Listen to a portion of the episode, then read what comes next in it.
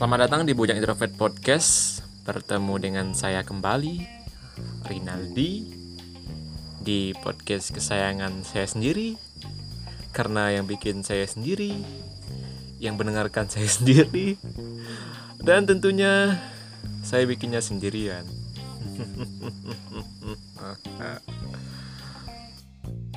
Jadi pagi tadi saya membaca sebuah tulisan di salah satu media online yang sering saya baca yaitu mojok.co tulisannya tuh kayak cerita gitu.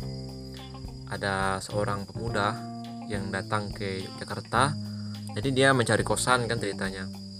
Minta bantu sama minta kawani sama kawannya yang bernama Fansuri.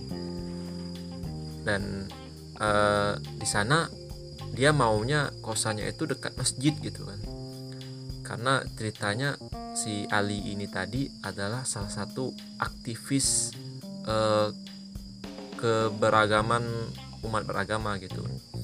Jadi dia mau dapat kosan dekat masjid dan dapatlah satu kamar kosong di kosan di salah satu kosan di dekat masjid. Tapi tiba-tiba Ali ini nggak jadi gitu. Dia nggak jadi nggak mau. Loh kenapa? Kata uh, Fansuri. Uh, nanti aja deh jelasinnya. Kalau kalau sudah di rumah aja katanya. Dan tuh pas di rumah diceritakan lah sama si Ali ini tadi. Saya nggak mau ini uh, kosan ngekos di sana. Karena masjidnya ini uh, tempat jamaah yang sering membid'ah-bid'ahkan orang gitu. Tempat jamaah yang keras yang sering mengkafir-kafirkan orang jemaah yang uh, celananya cingkrang-cingkrang katanya. Oh alah katanya. Gitu ya? Kata Fansuri iya katanya. Oh ya udah. Eh gini aja deh. Uh, saya punya kawan katanya. Namanya Gusmut jadi uh, Gusmut itu sering dijadikan karakter ya di dalam uh, tulisan itu. Dan saya sering juga membaca tulisan ini di mojo.co setiap hari Jumat jadi uh, datanglah si Ali sama Fansuri ini tadi ke rumahnya Gusmud ya karena tujuan awalnya yaitu ingin nanya-nanya gitu kan. Uh, siapa tahu ada dia tahu Gusmudnya Gusmudnya tahu ada ada kosan yang kosong gitu. Datanglah ke sana. Nah, diceritakanlah duduk perkara gini. Eh tadi dapat sebenarnya kata Fansuri kata Fansuri uh, sebenarnya Ali ini tadi dapat satu kamar kosong dekat masjid. Tapi dia ini nggak jadi katanya. Ditanyailah kenapa. Karena ini masjidnya jemaahnya uh, celananya cingkrang gitu. Oh, akhirnya diceramahi sama Gus Mut bla bla bla bla bla bla.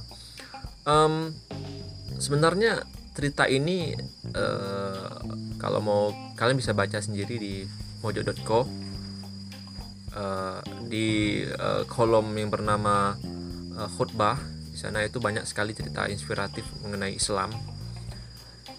Dan saya ingat dengan cerita ini yaitu uh, pengalaman saya dan kawan saya dulu.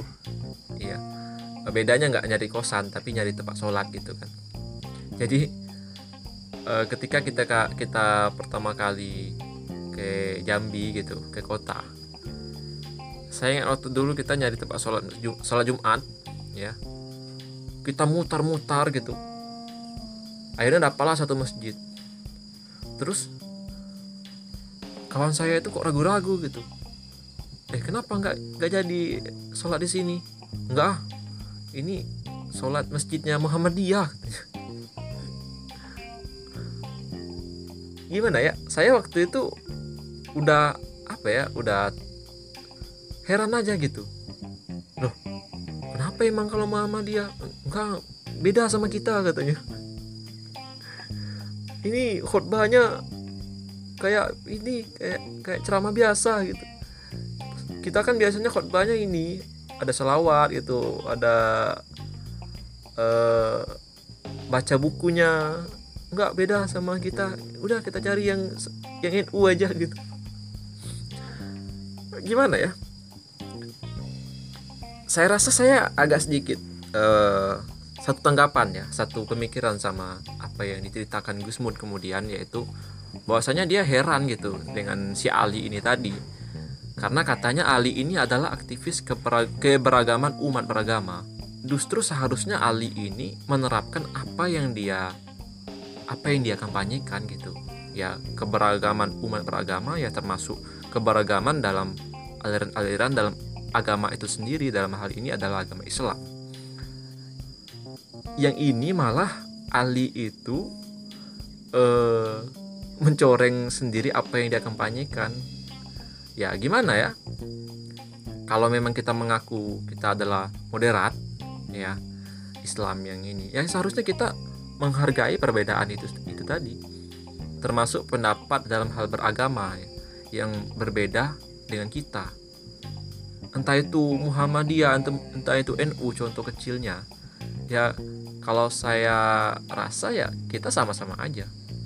Saya pun kalau di jam atau di tempat lain, saya berusaha dulu. Memang memang ya agak takut-takut gitu ketika masih sekolah dulu waktu masih SMA atau SMP dulu itu. Agak takut gitu sholat di masjid Muhammadiyah. Karena apa ya stigma uh, ini stigma ada aliran yang berbeda gitu. Cara cara-cara bukan aliran ya tapi cara-cara beribadah dengan kita yang berbeda itu masih melekat di dalam diri kita. Kalau dipikir ya kita Islam sama sama Islam rokaat sholatnya tetap sama gitu. Lain hal ya kalau misalnya kita Islam terus ada kawan kita yang Islamnya ini misalnya sholatnya tahiyat dulu diakhiri dengan takbiratul ikram ya itu itu boleh kita boleh kita tidak ikuti gitu kan. Tapi bukan berarti kita kita apa kita jauhi. Nah Ali tadi menjauhi orang-orang yang suka kafir-kafirkan bisa dibilang Islamnya yang radikal kayak gitu. Justru seharusnya kata Gusmut Ali itu harus mendekati harus maksudnya harus menggauli juga orang yang berbeda yang berbeda pendapat dengan dia itu yang dinamakan dengan moderat ya. kalau anda mengaku moderat tapi anda tidak mau berkumpul dengan orang yang berbeda pendapat mengenai Islam misalnya bukan dibilang moderat sih moderatnya bohongan gitu misalnya oh saya Islam menghargai perbedaan kita harus menjiwa mendap mempunyai jiwa toleransi. Ada kawan kita Kristen tidak mau bergaul dengan dia. Atau misalnya saya juga agak ini sih rancu ketika orang bilang jangan mengucapkan selamat ulang tahun jangan mengucapkan hari Natal Saya sering mengucapkan selamat hari, hari Natal ke kawan-kawan saya yang non-muslim, yang Kristen, yang Katolik. Karena mereka juga melakukan hal yang sama. Ya mungkin ini agak ini ya, agak kafir Anda. ya. Jadi uh, bisa dibilang masih agak kurang lah uh, sikap toleransi kita ya. Toleransi itu kan bukan berarti menghargai antar agama aja tapi di dalam agama itu kan kita banyak perbedaan-perbedaan. Orang mazhab kita aja ada empat ya. Ada yang membatalkan wudhu aja berbeda-beda. Ada yang nyentuh cewek boleh ada yang nggak boleh. Kalau ada yang boleh ada yang uh, boleh asal jangan pakai nafsu kan ada kan banyak gitu. Tergantung kita kita makanya apa. Itulah yang kita pertahankan. Ya kalau ada kawan-kawan kita yang berbeda nah itu salahnya kita. Ini jarang. Udah jangan bergaul dengan dia, jangan sholat dengan dia, jangan berimam dengan dia. Masa dia al-fatihahnya nggak pakai Bismillah gitu, atau Bismillahin nggak nggak jahar, nggak kuat gitu kan? Oh dia nggak pakai kunut, jangan berimam dengan dia. Ah Tuhan sama, rokaat sholat sama, kunut kan cuman sunnah ya. Eh, ngomong-ngomong saya memang ini ya hobi ya baca. Apalagi uh, mojok.co uh, kayak tirto.id sekarang baru-baru ini saya suka baca historia.id terus asumsi.co terus buyang introvert buyang introvert.wordpress.com cia gimana ya? Um, saya justru memang kalau dikatakan hobi baca ya memang dari dulu hobi baca cuma nggak terlalu ya. Nggak terlalu kayak sekarang gitu. Saya heran juga. Dulu waktu saya kuliah paling buku yang saya baca itu ya kalau bikin tugas pun malas saya baca. Akhirnya apa? Akhirnya malas membaca waktu saya masih kuliah dan membacanya pilih-pilih itu juga berpengaruh bagi skripsi saya ternyata iya kalau orang yang nggak hobi baca ya nggak maksudnya yang hobi bacanya pilih-pilih kan novel kan tidak terlalu, akademis ya. Beda kalau kita baca-baca buku-buku politik buku ekonomi gitu kan atau buku-buku pemikiran. Itu buku-buku filsafat misalnya. Uh, insya Allah lah skripsi kita akan berjalan. Kita nulisnya kita pun lancar gitu. Nah, saya dulu itu pilih-pilih bukunya yang saya hobi aja. Novel misalnya. Saya pernah saya sering baca buku novelnya Sherlock Holmes misalnya atau baca komik. Akhirnya itu tidak ngaruh dengan uh, pendidikan saya dengan akademis saya. Ya walaupun berusaha ya alhamdulillah akhirnya dapat juga kan gelar sarjana. Yang sekarang hmm, nampaknya belum terpakai dan yang bikin saya heran itu apa? Tiba-tiba setelah saya kuliah, entah kenapa saya suka sekali membaca semua buku.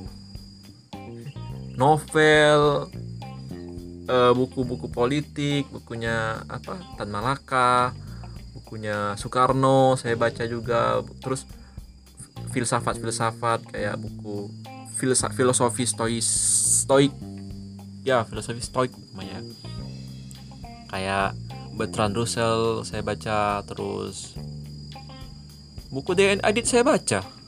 Iya kata orang buku-buku kiri. Saya baca terus banyak lah pokoknya.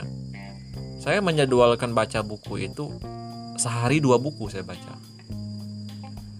Itu antar jam 8 sampai jam 9 malam itu memang saya sediakan kopi gitu. Saya duduk sendirian ya sambil baca sambil baca buku. Dan uh, memang agak sulit juga membaca buku di daerah yang tidak suka membaca buku. Atau membaca buku di di mana kamu berada di zona di mana orang tidak tidak suka baca buku. Saya baca buku. Tapi ibu bapak adik-adik saya itu nggak suka baca. Akhirnya apa? Akhirnya mereka lihat saya baca itu ya kayak heran gitu kayak apalah hobi baca emang untung membaca itu apa gitu. Saya nggak mau ngaku nggak bukan bermaksud mengaku bahwa uh, saya membaca buku karena saya mau pintar nggak. Sekarang saya punya hobi dan hobi saya membaca dan itulah satu-satunya yang saya yang saya hobikan yang saya sukai sekarang. By the way saya sekarang lagi kerja kerja ya bisa dibilang kerja sih walaupun ya kerjanya cuma sebatas borongan gitu sebatas kerja freelance di sebuah perkebunan sawit. Siang capek kerja. Oke lah agak sore saya agak nyantai gitu sambil dengerin podcast. Nah malam-malam itu rasanya sekarang kalau saya nggak baca dan saya nggak nulis itu jemuh sekali. Itu ya hidup saya sebatas kerja aja mau ngapain gitu nggak ada hobinya. Kalau orang mah oke okay lah oke. Okay. kita nggak saya nggak nggak mengharuskan semua orang hobi membaca sih. Tapi ya hobi saya membaca. Ya orang lain juga punya hobi juga masing-masing. Ada yang hobi main badminton ada yang hobi main poli ya mereka itu yang mereka kerjakan. Itu yang mereka lakukan. Karena apa? Karena bagi, bagi mereka udah kerja seharian tapi nggak main-main itu hidup nih kayak kayak robot gitu. Ya jemuh aja. Masa udah kerja? Masa hidup kita di kita distribusikan kita kontribusikan untuk bekerja aja gitu. Saya punya hobi lain cuy. Nah sama halnya dengan saya tadi. Malam-malam saya memang khususkan um, untuk membaca setidaknya dua buku. Ya walaupun nggak tamat saya baca terus dan saya sekarang senang uh, minjam buku di uh, di Ipusnas ya. Saya sering juga download download PDF PDF nya gitu kan. Bagi buku-buku yang dulu memang yang nggak yang nggak dijual gitu yang sedang tidak dijual di toko-toko buku. Dan memang susah nyarinya. Uh, memang sih sebenarnya budaya membaca itu adalah budaya yang memang harus dibudayakan gitu. Dan alasan lain kenapa saya masih membaca sampai sekarang adalah karena kalau saya kuliah dulu ya kalau saya kuliah setidaknya kalau saya tidak membaca setidaknya seharusnya kan kita mahasiswa itu ya memang memang harus membaca sebenarnya. Tapi saya mikirnya sekarang kalau kita, kalau kuliah kita nggak membaca setidaknya kalau kita ke kelas kita bermain gitu di bermain di apa di ilmu pengetahuan maksudnya bermain di tulisan dan pemikiran-pemikiran gitu nah kalau nggak kuliah lagi ini tapi nggak baca uh, itu kayak kayak ini kayak kita bikin ladang, bikin kebun, tapi kebunnya kita tinggalkan gitu. Kita udah mati-matian, udah kita semprot, udah kita tanam, tapi tiba-tiba kita tinggalkan ya kayak gitu. Artinya otak kita ini harus kita masukkan ah, nutrisi-nutrisi. Kalau saya ya, otak saya ini harus saya, saya masukkan nutrisi-nutrisi. Nutrisi itu tadi adalah ilmu pengetahuan dan ilmu pengetahuannya adalah buku. Kalau saya tidak membaca, apa bedanya kawan saya dan kawan-kawan saya yang sudah lulus kuliah dan sekarang masih nganggur dan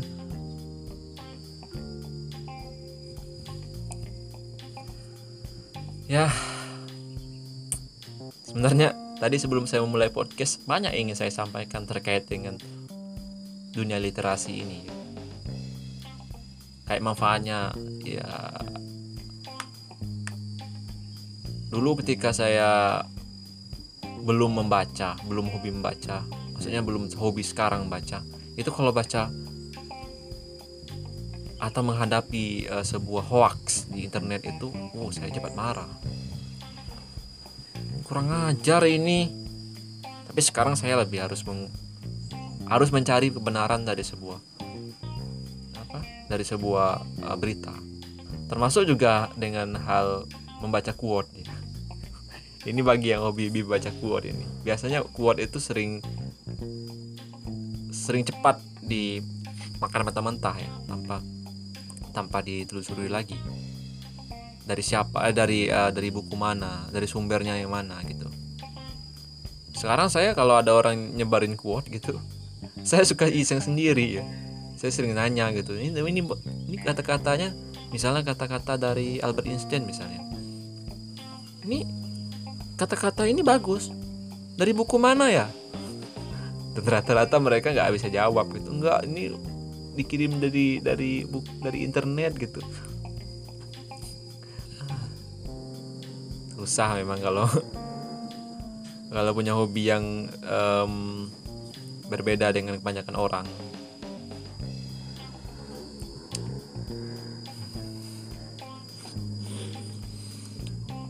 Ya saya rasa segitu dulu ya apa yang dapat saya sampaikan di episode kali ini kenapa saya sekarang mungkin karena jarang merekam sih jarang ngomong gitu jadi agak loyo gitu agak semangat agak tidak semangat bikin podcast tapi saya harus saya harus semangat harus harus belajar harus belajar ngomong Lala lain kali saya bila, saya mau bikin podcast pakai bahasa dusun sendiri lah. Waduh amat. Sekian dulu, terima kasih sudah mendengarkan Bujang Introvert Podcast. Jangan lupa follow Instagram saya di @much m u c h underscore rinaldi rinaldi tidak pakai i pakai i atau Twitter saya di m u c h underscore rinaldi pakai y dan blog saya jangan lupa dibaca www.bujangintrovert.wordpress.com Terima kasih, sampai jumpa.